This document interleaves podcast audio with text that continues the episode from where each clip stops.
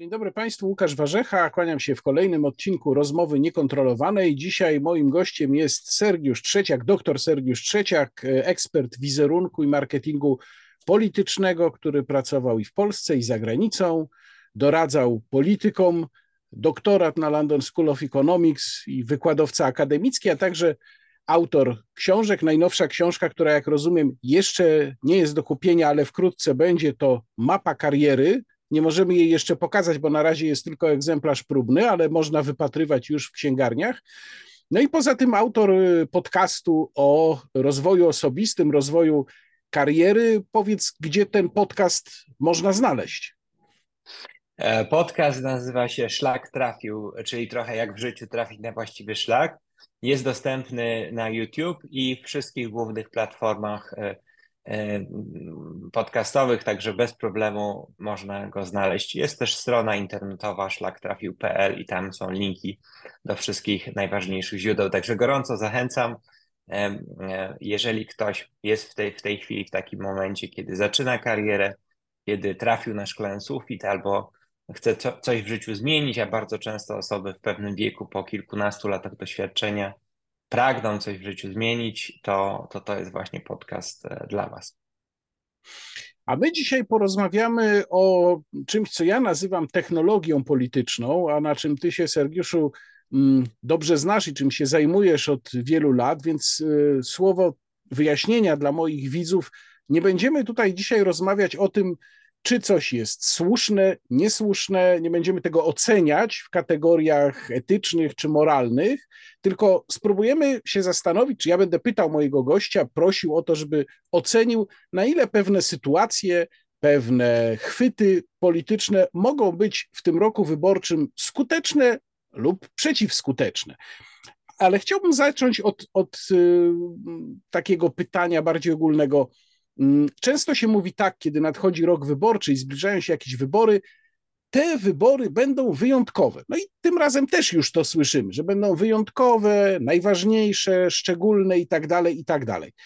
Czy z punktu widzenia marketingu politycznego, rozwoju tej sfery naszego życia publicznego, czy rzeczywiście można powiedzieć, że one się czymś będą wyróżniały, czy to jest tylko takie gadanie polityków, tak jak zawsze przed wyborami? No to oczywiście jest e, trochę zaklinanie rzeczywistości, bo my do końca nie wiemy, co się wydarzy.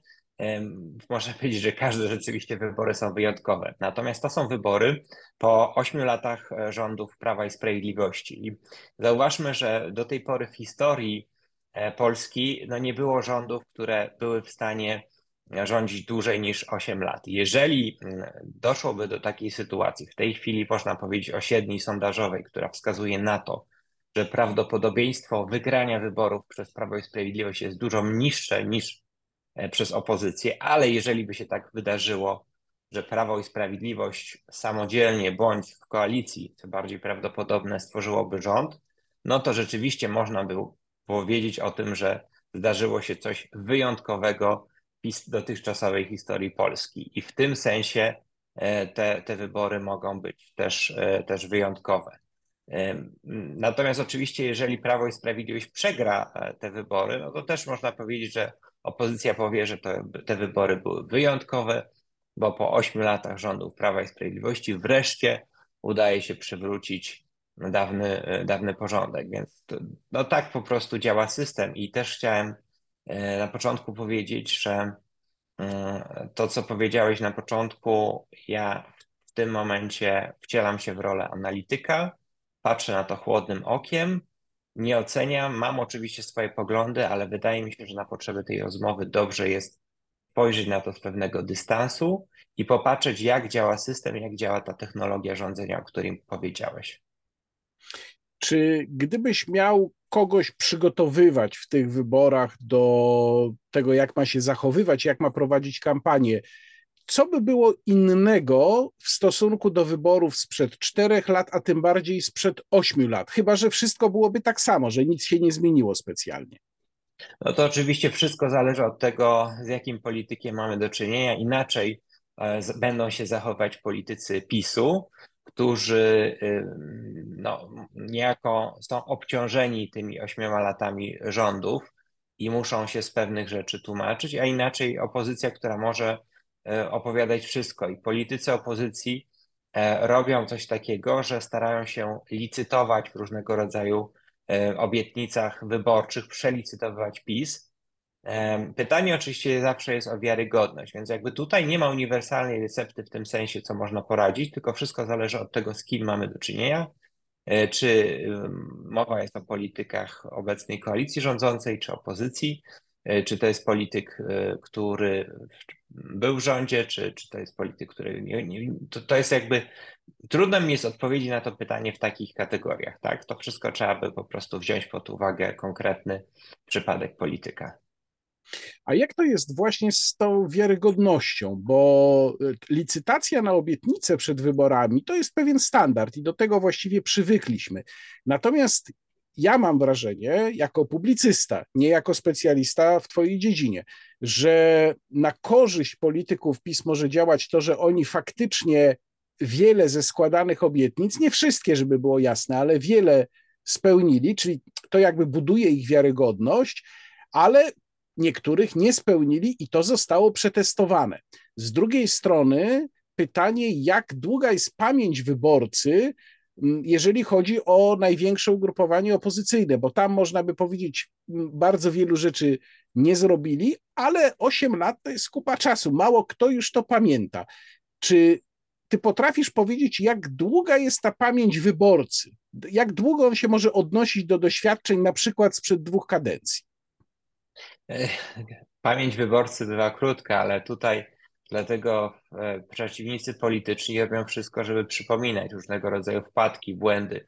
I zobaczmy obecną narrację. Jeżeli obejrzy, e, obejrzymy chociażby wiadomości, to widać, że w każdym niemal, prawie w każdym materiale, który traktuje o Platformie Obywatelskiej czy Donaldzie Tusku, wypominane są mu pewne wypowiedzi sprzed ośmiu, czasami nawet nie, nie tyle ośmiu, no przed kilkunastu lat czasami, tak?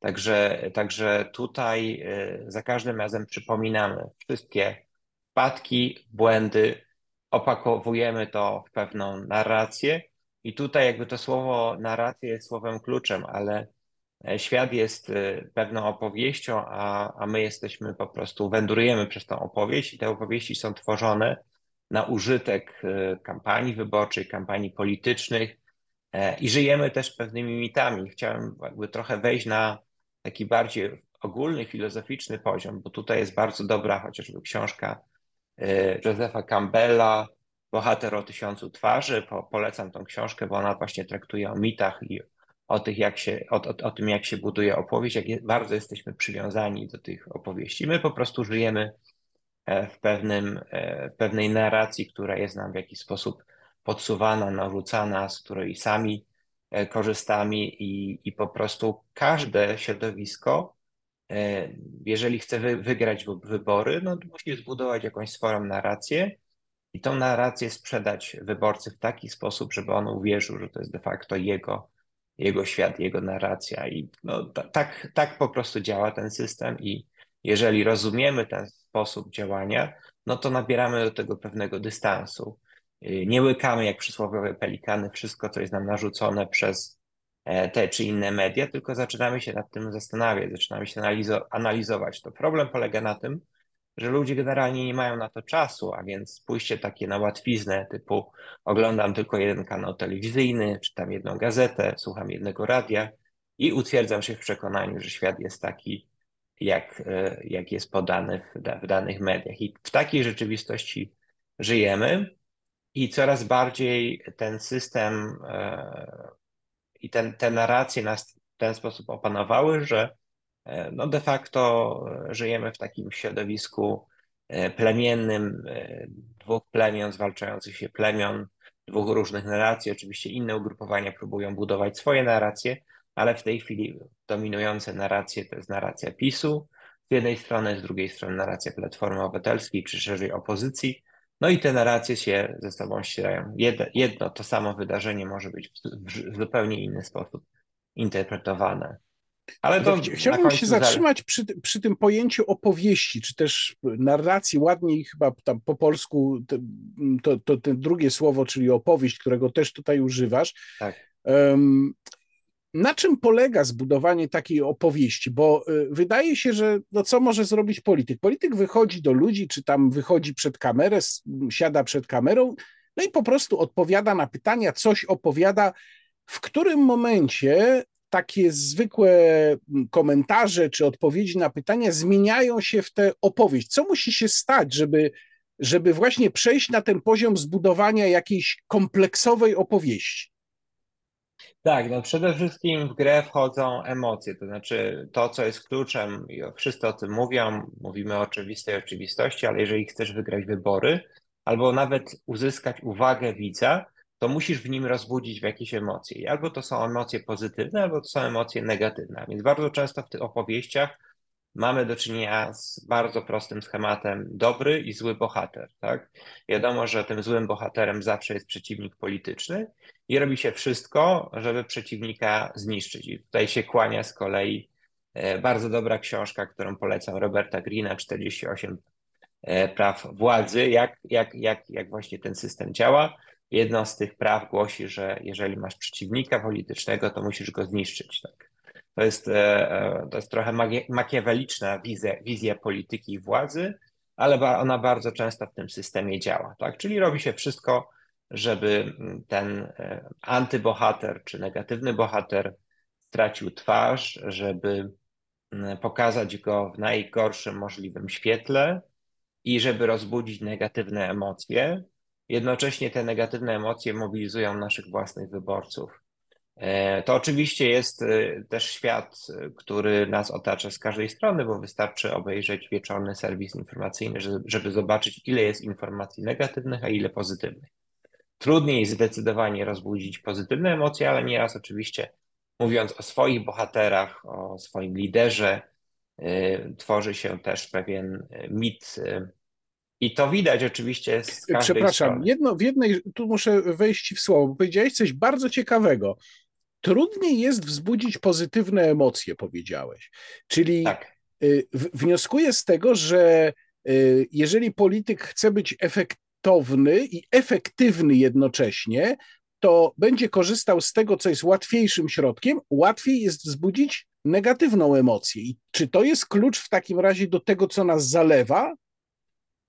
Tak, to jest klucz y, do tego, co nas zalewa, bo zobaczmy, żyjemy w pewnej iluzji system, takiego tradycyjnego systemu demokratycznego, gdzie to my wykonuj, do, dokonujemy wyboru. A tak naprawdę to zauważmy, jak silne jest oddziaływanie mediów, różnych środków opiniotwórczych, ale od powiedzmy kilkunastu lat tą rolę przejmują media społecznościowe. I zobaczmy chociażby, nie znamy dokładnie algorytmów poszczególnych mediów społecznościowych, ale w tych najbardziej popularnych y, serwisach społecznościowych, to te algorytmy y, promują e, informacje czy, czy, czy sposób podania informacji negatywne, agresję, czyli coś, co teoretycznie wszyscy deklarują, że walczymy z hejtem, a one tak naprawdę promują hejt. I teraz polityk, który chce być skuteczny, który nie patrzy na pewne zasady etyczne, no bo są też politycy, którzy na przykład nie odwołują się do takich skrajnych form agresji, ale, ale jest wielu polityków, którzy po prostu, jeżeli widzą, jak ten system działa, to się do niego najzwyczajniej w świecie dostosowują. Chcą być wyraziści, to znaczy to w ich narracji to jest wyrazistość. W narracji przeciwników politycznych to ten polityk jest agresywny. I zobaczmy, ktoś się dziwi, dlaczego są tacy politycy z tej czy innej strony, którzy są bardzo agresywni, ale oni na końcu wygrywają, bo oni uzyskują uwagę mediów, przebijają się w świadomości wyborców i na przykład y, przy naszym systemie konstrukcji list wyborczych, oni się wyłaniają z tłumu i ludzie na nich głosują, zdobywają mandat. Y, to jest trochę bardziej skomplikowane w przypadku wyborów prezydenckich, gdzie, gdzie tutaj nie można mieć, trzeba mieć, nie można mieć zbyt wielu y, przeciwników, bo koniec końców no, trzeba wygrać wybory. Ale w, w logice wyborów parlamentarnych, czy nawet wyborów samorządowych, radny czy kandydat na posła, który chce się wyróżnić, najłatwiej mu zrobić to będąc agresywnym, będąc szokującym, obrażając innym, a innych, a media w tym sensie to podłapują, algorytmy tego czy innego serwisu społecznościowego takie treści promują. I mamy na końcu zalew tego rodzaju hejtu, wszyscy na tym biadolą, o jak niedobrze, że jest hejt, ale w gruncie rzeczy bardzo często z tego hejtu żyją. Tak jest w, w przypadku serwisów społecznościowych. A jaka grupa wyborców może poczuć się takim zachowaniem zrażona? Bo niektórzy, być może to jest pięknoduchostwo, ale y, w przypadku, kiedy się stykają z takim politykiem, mówią, no ale przecież to jest kontrproduktywne, przecież kogoś tak, na kogoś tak agresywnego ludzie nie zagłosują, przecież to ludzi odstręcza, nie można być takim hamem i tak dalej, i tak dalej. Y, no, z tego, co mówisz, wynika, że to jednak nie jest uniwersalna reguła, ale czy czymś się ryzykuje, jeżeli polityk się w ten sposób zachowuje? Czy na przykład nie ryzykuje się tym, że y, wzrośnie bardzo poziom negatywnego elektoratu? To prawda. E, ja zawsze mówię e, tak lekko e, żartując, że z harcownika nie zrobimy męża stanu. Jeżeli do kogoś przylgnie już taka łatka hejtera, agresywnego polityka, czy, czy w najlepszym wypadku harcownika, to jemu jest bardzo trudno się od tego wizerunku oderwać. To jest skuteczne. Partie polityczne w pewnym sensie mm, potrzebują takich polityków. Kiedyś mówiliśmy o bulterierach różnych, ale ktoś jest potrzebny, kto po prostu potrafi miażdżyć konkurencję. Nie każdy się do tego nadaje, to są kwestie charakterologiczne. To osoby, które po prostu mm, mm, bardzo lubią taką konfrontację, rozbudzać emocje, nie przeszkadza im hejt, wręcz przeciwnie, tym hejtem, e, z tego hejtu żyją i są nawet zadowoleni, że e, zyskali uwagę przeciwników politycznych, a, a z kolei oni nie mają e, pewnych hamulcy, żeby, żeby atakować, bo widzą, że to jest po prostu skuteczne. A w polityce nie da się wygrywać, nie da się być politykiem, jeżeli nie jest się skutecznym, tak, na dłuższą metę. Ale to chyba to jest... wymaga jakiejś szczególnej konstrukcji psychicznej, bo mm, niektórzy pod wpływem y, hejtu, obelg, no y, wręcz zapadają się w siebie, czy mogą mieć problemy psychiczne, a ty mówisz o ludziach, których to nawet cieszy, którzy trochę jak takie wampiry tym się mogą żywić wręcz. Tak, to jest kwestia, po prostu czerpią z tego, z tego e, energię, to rozbudza w nich emocje, to jest dla nich adrenalina, od której często są uzależnieni. Natomiast muszę powiedzieć, krótką, krótką dygresję wróciłem właśnie z Europejskiego Kongresu Samorządów i tam rozmawiałem z kilkoma prezydentami, którzy mi opowiadali swoje różne historie, właśnie jak bardzo e, ten hejt na nich wpłynął, na ich rodziny. E, I to często polityk udaje, że, że go to nie rusza. Myślę, że większość polityków ten hejt rusza ale tak jak powiedziałem, są osoby, które mają nieco inną konstrukcję psychiczną i które, którzy się tym nie, nie, nie przejmują. Ale nie chciałbym po prostu stworzyć takiego wrażenia, że każdy polityk to jest e, urodzony hater, który mm, karmi się e, hejtem. Większość e, robi dobrą minę do złej gry, udaje, że ich to nie rusza, ale pamiętajmy, że oni mają rodziny i dziecko, które tam usłyszy coś na temat taty, jaki jest, no to wszystko, to wszystko wpływa, tak, to wszystko wpływa na rodzinę. E, spotkałem się z takim prezydentem, który mi mówił, że rodzina go prosiła, żeby już e, nie startował w kolejnych wyborach, bo już nie mogą wytrzymać e, tej, tych, tych negatywnych emocji, które na nich się odbijają. Więc to też trzeba brać takie, mm, taką sytuację pod uwagę. Przywykliśmy mówić, komentując naszą sytuację społeczną i polityczną, że cechą charakterystyczną polskiego życia publicznego jest y, wyjątkowo głęboki podział. Tutaj zresztą w naszej rozmowie też padło już sformułowanie dwa plemiona. Czy z Twojego doświadczenia międzynarodowego i z obserwacji tego, jak wygląda życie publiczne w innych krajach, powiedzmy generalnie na Zachodzie, możesz taki, taką tezę na podstawie tego potwierdzić, to znaczy, że ten nasz podział Polski jest w jakiś sposób wyjątkowy i to też powoduje, że specjaliści od marketingu politycznego działają w pewnym sensie w wyjątkowych okolicznościach? To jest bardzo dobre pytanie.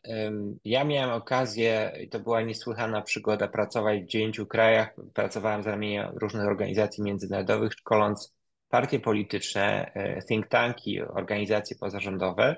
I pamiętam jedno ze szkoleń w Gruzji, e, to było wiele lat temu, teraz e, te, te podziały nawet są silniejsze, gdzie po szkoleniu doszło do bójki pomiędzy uczestnikami. Tam były tak silne e, emocje, A to była Przepraszam, tylko, wspom- tylko przypomnę, że dopiero co mieliśmy świeżą bójkę w parlamencie gruzińskim, przecież dosłownie parę dni e, temu. Tak, no to ten, te, parlamenty Gruzinów są bardzo specyficzne, więc my jeszcze nie osiągnęliśmy takiego poziomu polaryzacji i emocji, co w niektórych e, krajach, więc, więc e, tutaj e, my często narzekamy, biadolimy, że w Polsce są bardzo silne podziały i to jest prawda.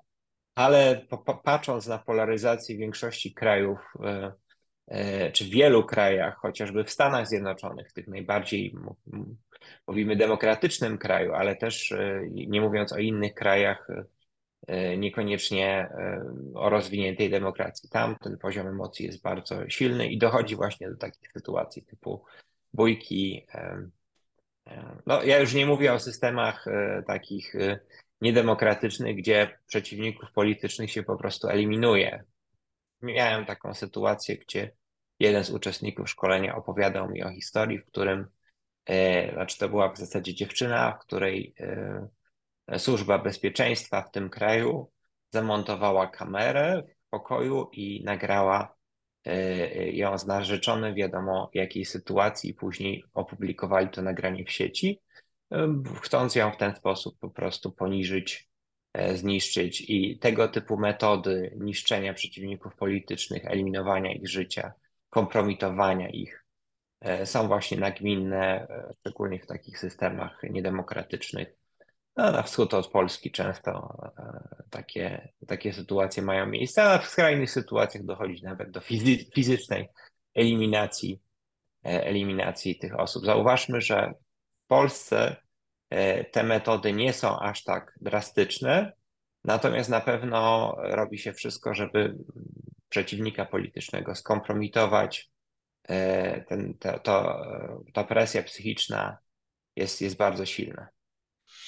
E, wracając do kwestii podziału, polskiego podziału, mm, ja zastanawiam się nad taką rzeczą. E, mamy w tej chwili jeden na pewno bardzo, bardzo ważny rys i wątek życia publicznego, którym jest wojna na Ukrainie. Tylko, że tutaj zachodzi taka dosyć szczególna sytuacja, w której obie strony, oba te obozy w tej akurat kwestii w zasadzie są po jednej stronie. Mm, tam oczywiście jest taka gra, mm, czy licytacja na to, kto jest bardziej proukraiński, kto jest bardziej antyrosyjski, ale ten bardzo ważny wątek w roku wyborczym nie, nie wpisuje się w ten tradycyjny plemienny podział. Oba główne plemiona, jeśli można tak powiedzieć, tutaj mają podobne zdanie. I w związku z tym pojawia się pytanie, czy znów z punktu widzenia technologii politycznej, marketingu politycznego, Wojna na Ukrainie będzie miała w tym roku wyborczym jakieś zasadnicze znaczenie, czy może to tylko jest takie złudzenie um, uczestników tej bańki najbardziej zainteresowanej polityką, że tak będzie, a tak naprawdę w większości przypadków to będzie konsens po obu stronach tego sporu i w związku z tym ona nie odegra tak dużej roli. E, oczywiście nie wiemy, co nadzwyczajnego się wydarzy w czasie tej wojny, więc jakby tutaj zastrzegam, że wszystko może się zdarzyć, ale raczej nie spodziewałbym się, żeby to był główny wątek kampanii wyborczej, chociaż oczywiście pewne rzeczy mogą się w międzyczasie pojawić. Natomiast pamiętajmy o jednej regule, że w sytuacji zagrożenia bezpieczeństwa narodowego ludzie jednoczą się wokół e, władzy i to jest niejako to była szansa z punktu widzenia PiSu, tak? bo bardzo trudno jest atakować e, władzę w sytuacji, w której dochodzi do zagrożenia bezpieczeństwa narodowego. I bardzo często w takich kwestiach zasadniczych, jeżeli chodzi o bezpieczeństwo narodowe, politykę zagraniczną, to w Polsce w zasadzie panował konsens tak? dotyczący e, członkostwa chociażby w NATO, prawda? Tutaj nie było wielu przeciwników. W przypadku Unii Europejskiej no, pojawiały się głosy przeciwne, ale ten mainstream polityczny był, e, oczywiście można krytykować pewne sposoby dochodzenia, natomiast nie sądzę, żeby to był temat, główny temat kampanii. Raczej spodziewam się, że tutaj będzie dominowała polityka krajowa. E, powiedziałeś, użyłeś tutaj czasu przeszłego powiedziałeś, to była szansa dla PiS. Czy to oznacza, że ten efekt flagi, tak się to na ogół tak, nazywa, tak, dokładnie. Że, że on już minął, to znaczy PiS, y, nie wiem, nie wykorzystał do końca tej szansy, czy wykorzystał, ale już y, ten czas, kiedy można było ten efekt wykorzystać, y, minął? Jak to widzisz? Znaczy ja myślę, że PiS do pewnego stopnia to wykorzystał, tak? Natomiast ten element, to, to nie trwa wie, wiecznie, tak jak te emocje związane chociażby z pomocą uchodźców, to była określona fala y, i, i, i teraz jakby ludzie zaczynają żyć własnym życiem, to nie jest y, główny y, temat. Oczywiście, jeżeli pojawiają się jakieś nowe doniesienia z frontu, to ludzie się tym interesują, ale myślę, że nie tak jak w pierwszych tygodniach czy miesiącach wojny. I no to, to, to już jakby sta, staje się dla wielu ludzi e, czymś normalnym, że nie wiem, Polska wspiera, że rząd wspiera y, Ukrainę, to, to nie jest jakby nic nadzwyczajnego. Ludzie się tym po prostu już aż tak bardzo nie emocjonują.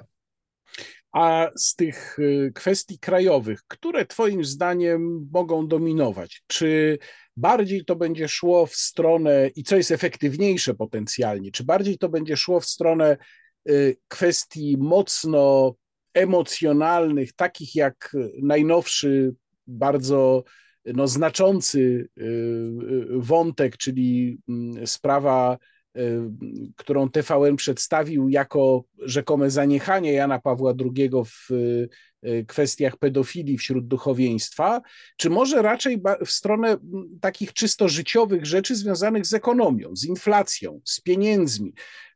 Ja mam takie wrażenie, być może się mylę, nie wiem, czy się z tym zgodzisz, że to mogą być pierwsze wybory, w których kwestie ekonomiczne i bytowe będą odgrywały aż tak wielką rolę.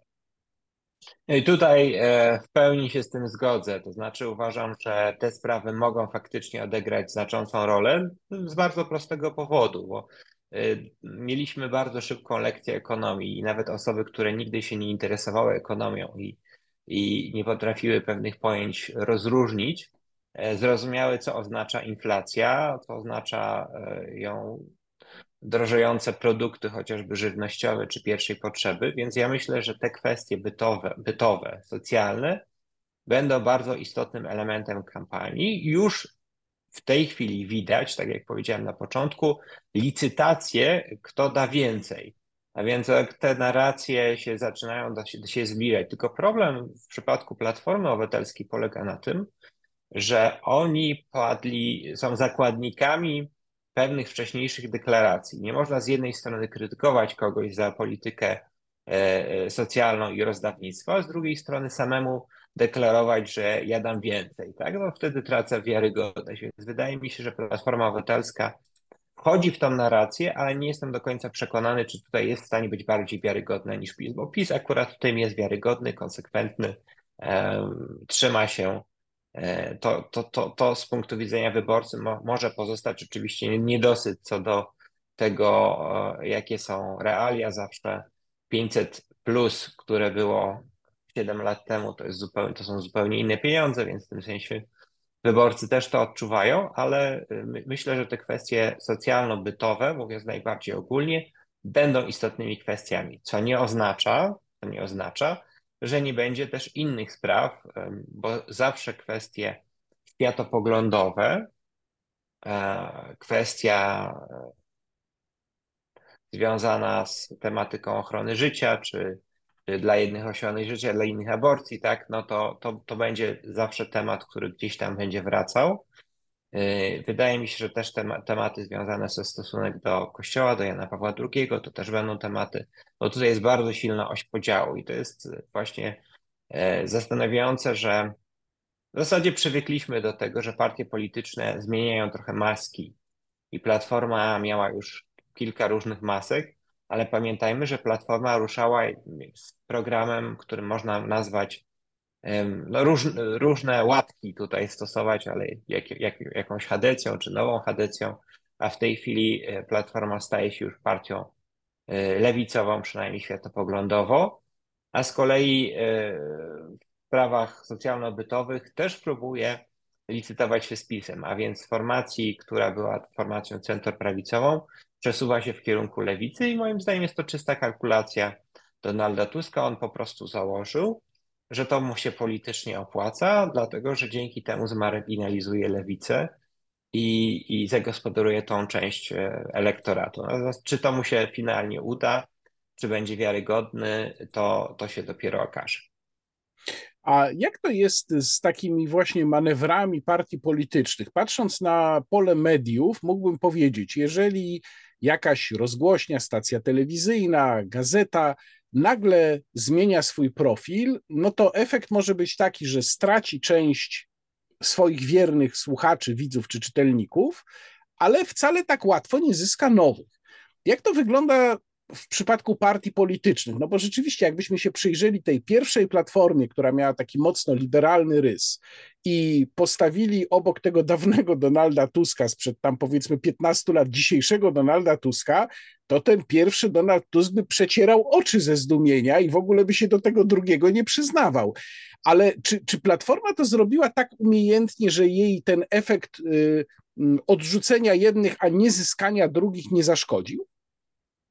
E, znaczy, no w polityce jest znowu ta, taka reguła e, rozmywania rzeczywistości i coś, co nam się wydaje pewnym absurdem i paradoksem, że partia, która rozmywa rzeczywistość, jest niewyrazista. E, właśnie no ta, okazuje się, że ta niewyrazistość w polityce jest o tyle korzystna dla partii politycznej, bo one jak kameleon zmieniają E, skórę w zależności od tego, jakie są e, nastroje społeczne. Z jednej strony kalkulacja, przesuwanie, zagospodarowanie pewnego pola, mm, jakimi są zagospodarowanie elektoratu innych ugrupowań, a więc to jest jakby taka czysta, czysta kalkulacja. Natomiast oczywiście jest takie ryzyko, że mm, E, wyborcy, dla wyborców e, to będzie niewiarygodne, a więc bardzo często wyborcy się odsuwają, ale z drugiej strony pozyskuje się innych wyborców i mam w ogóle takie wrażenie, że nasza polityka w Polsce i też w wielu innych krajach e, jest polityką opartą na reakcji na aktualne sondaże. I analizuje się, robi się badania, sondaże, badania jakościowe, ilościowe, i z tych badań coś wychodzi, po czym lider mówi to, co wychodzi mu z badań, a nie w to, co, w co wierzy naprawdę. Czyli nie potrafimy narzucić pewnej narracji. Sięgając do lat 80., mieliśmy takich mężów stanu, niezależnie od tego, co nie powiemy o chociażby Margaret Thatcher, to zauważmy, że jeżeli ona miała jakiś program, jakieś przekonanie, to starała się do tego programu mm, przekonać opinię publiczną, chociażby kwestia znana walki ze związkowcami, związkami zawodowymi, kiedy zamykano nierentowne kopalnie i robiła wszystko, żeby przekonać opinię publiczną do tego, co głęboko wierzy, a nie odwrotnie. Tak? Bo jeżeli to byłoby odwrotnie, no to nie udałoby się jej tego zrealizować. Natomiast w, obecnym, w obecnej sytuacji jest niewielu polityków, którzy mają z góry przyjętą agendę i wiedzą dokładnie, po co robią to, co robią, i wiedzą, jakie są cele, mają poczucie misji i będą e, w stanie w imię tych wartości, które reprezentują, poświęcić na przykład karierę polityczną. Nie, przejdą do innego ugrupowania, traktują po prostu politykę jako e, rynek, do którego trzeba się dostosować, nawet za cenę zmiany poglądów. Oczywiście tutaj są mechanizmy psychologiczne, mamy do czynienia z, z politycy sami zaczynają wierzyć w to, co mówią, w ewolucję swoich poglądów, tłumaczyć to różnymi, ale chociażby no, są tacy politycy, które wczoraj słuchałem takiego polityka e, znanego e, pana Stefana, tak? Jeżeli pana Stefana po, porównany z tym, co mówił 20 lat temu i z tym, co w tej chwili mówi na temat Kościoła, no to są dwie różne osoby, tak? I to, to pokazuje właśnie jak, e, jak można, jak polityk czasami może przejść e, drogę. E, niekoniecznie to dochodzi do rewolucji poglądów, najczęściej to jest stopniowa ewolucja. On po prostu stopniowo zmienia te poglądy, aż dochodzi do zupełnie innych poglądów, które miał 10 czy 15 lat temu. A więc mamy do czynienia z ciągłą zmianą i, i bardziej dostosowywaniem się do nastrojów społecznych niż odwrotnie. Znaczy bardzo jest niewielu polityków takich, którzy mają e, gotową agendę. Powiedziałeś e, przed momentem, że politycy też zaczynają wierzyć w to, co sami mówią na podstawie sondaży. Mm, ciekaw jestem Twojego doświadczenia z obcowania z politykami. Mm, jak to wygląda? Czy wiele jest osób, które potrafią zupełnie cynicznie podejść do takiego przekazu, czy też ten efekt internalizowania sobie tego, co się mówi po to, żeby zyskać głosy, jest takim, no jakby to powiedzieć, psychologicznym bezpiecznikiem, który się uruchamia u zdecydowanej większości, że jednak no, człowiek jest tak skonstruowany, że chociaż trochę musi uwierzyć w to, co mówi, bo inaczej by po prostu nie dał rady. Myślę, że w większości mamy właśnie do czynienia z taką internalizacją, dlatego że no, bardzo trudno byłoby założyć maskę cynika i mówić, y, kłamać po prostu, to jest bardzo męczące. E, na dłuższą metę uważam, że e, jest to bardzo autodestrukcyjne tak, z punktu widzenia osoby. Tak? Czyli można udawać, że jest, mówić przez jeden dzień, ale tak przez całe życie po prostu udawać. Więc raczej dochodzi do internalizacji, usprawiedliwienia swojej ewolucji poglądów, tłumaczenia tego, więc zaczynamy wierzyć w to, co, co sami mówimy. Tak, tak to po prostu działa. Y, chciałem Ci zapytać o osoby, które y, nie zamierzają głosować albo się wahają. Jakie techniki może ugrupowanie polityczne zastosować nie po to, żeby sobie samemu zjednać wyborców, tylko żeby przekonać wyborców drugiej strony, że no co prawda wiemy, nie zagłosujecie na nas, to jest jasne, ale może w takim razie w ogóle zostańcie w domu. Pytam o to dlatego, że w sondażach, y, które są, mm, które uwzględniają niezdecydowanych, i pokazują oddzielnie grupę tych, którzy w ogóle nie są zainteresowani głosowaniem, ta grupa no, jest w okolicach 10% przynajmniej. Czasem tam wychodzi nawet trochę więcej, jest też kilkanaście procent. I ja mam takie wrażenie, kiedy się przyglądam scenie politycznej, że część ugrupowań, zwłaszcza opozycyjnych, właśnie na to gra, żeby tamci zostali w domu. No ale rozumiem, że to trzeba trochę inaczej wtedy z takimi ludźmi rozmawiać niż z własnymi wyborcami, czyli jak się z nimi rozmawia. Do, do, dokładnie, dokładnie. To jest dużo łatwiej jest stosować kampanię negatywną i przekonywać e, miękki elektorat przeciwnika politycznego, żeby został w domu, niż na przykład przekonać ich, żeby głosowali na nas. Więc jakby to jest w tym przypadku kluczową rolę odgrywa kampania negatywna, ale najskuteczniejsza kampania negatywna to jest kampania robiona cudzymi rękami, a więc bardzo często przy pomocy e, właśnie na przykład zaprzyjaźnionych mediów albo innych organizacji. W wyborach samorządowych bardzo często tak jest, że jest kandydat, znaczy może nie bardzo często, ale zdarzają się takie przypadki, że jest kandydat, który startuje w wyborach tylko po to, żeby prowadzić e, kampanię negatywną. I to jest jakby nie, niejako porozumienie takie nieformalne, tak? Czyli na przykład ja mam drugiego kandydata, który startuje w wyborach, a którego rolą jest atakowanie mojego przeciwnika, bo na koniec końców e, często, zwłaszcza w wyborach prezydenckich, kandydat na prezydenta nie chce wyjść jako osoba, która jest agresywna, która atakuje, no bo wtedy wyborcy mogą też na niego nie zagłosować albo pozostać w domu. Tylko raczej najskuteczniejsza właśnie jest taka kampania robiona cudzymi, obcymi rękami. To widać na każdym poziomie i wyborów samorządowych, i centralnych.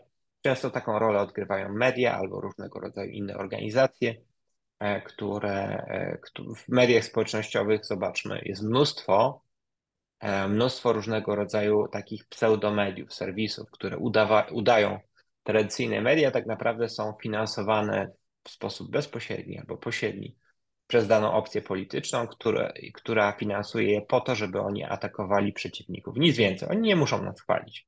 Oni są, e, mają jedną rolę do spełnienia, czyli zdemobilizowanie naszych e, elektoratu, naszego przeciwnika, tak żeby właśnie pozostał w domu.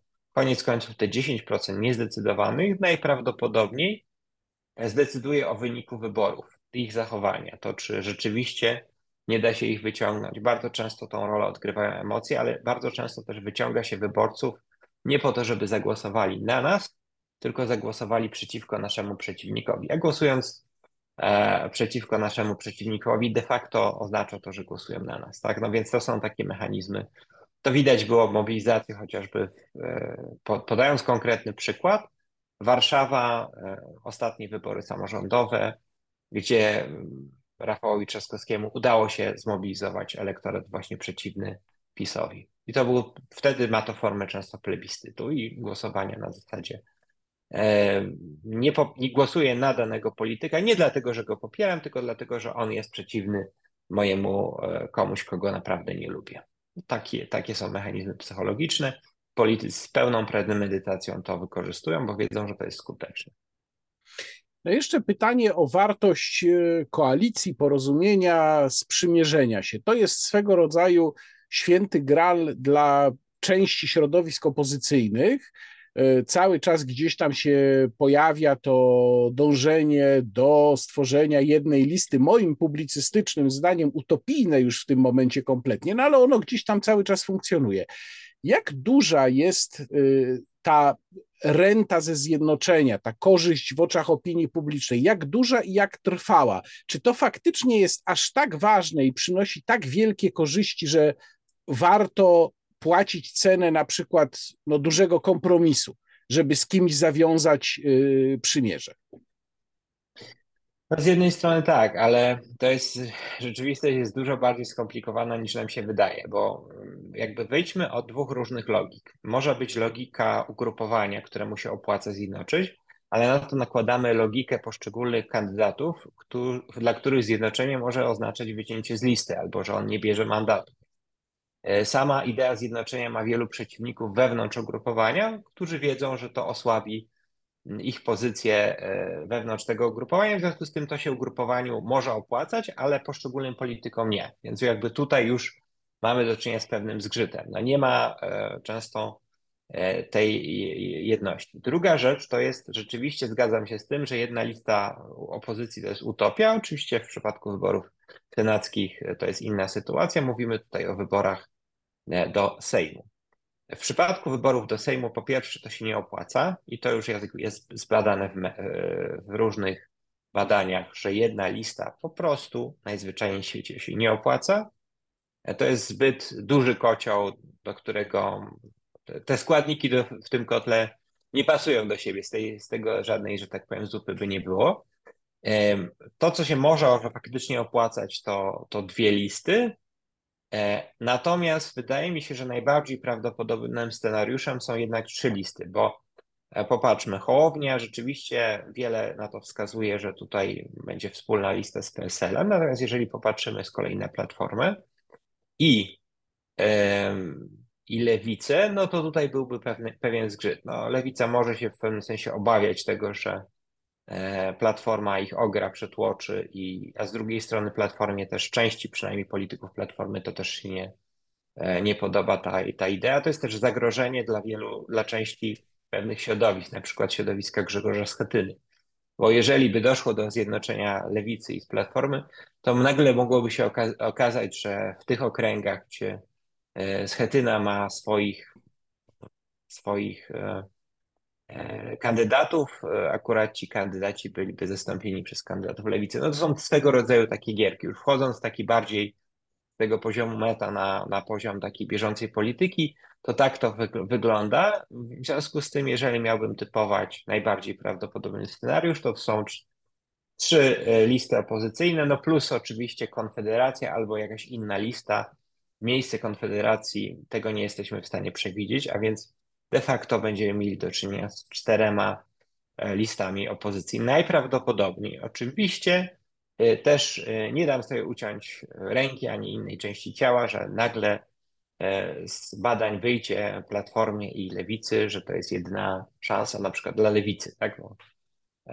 PSL-owi wyszło pewnie z badań, że to jest jedyna szansa dla PSL-u, z kolei Hołownia któremu nie udało się zbudować struktur, to też jest pewna szansa z jego punktu widzenia, ale jednocześnie zagrożenie, bo struktury PSL-u są na tyle silne w terenie, że mogą rzeczywiście zdominować um, Hołownię. Więc to są tego rodzaju e, gierki, e, kalkulacje, które są prowadzone na bieżąco przez polityków pod wpływem badań. Więc w tej chwili e, to też jest jedna z reguł właśnie władzy która jest sformułowana przez Roberta Greena, że e, trzyma się wszystkich w niepewności do ostatniej chwili e, bo wtedy jesteśmy w stanie zmylić przeciwnika. I tak więc to zmylenie przeciwnika, składane deklaracje nie do końca oddają rzeczywistych intencji.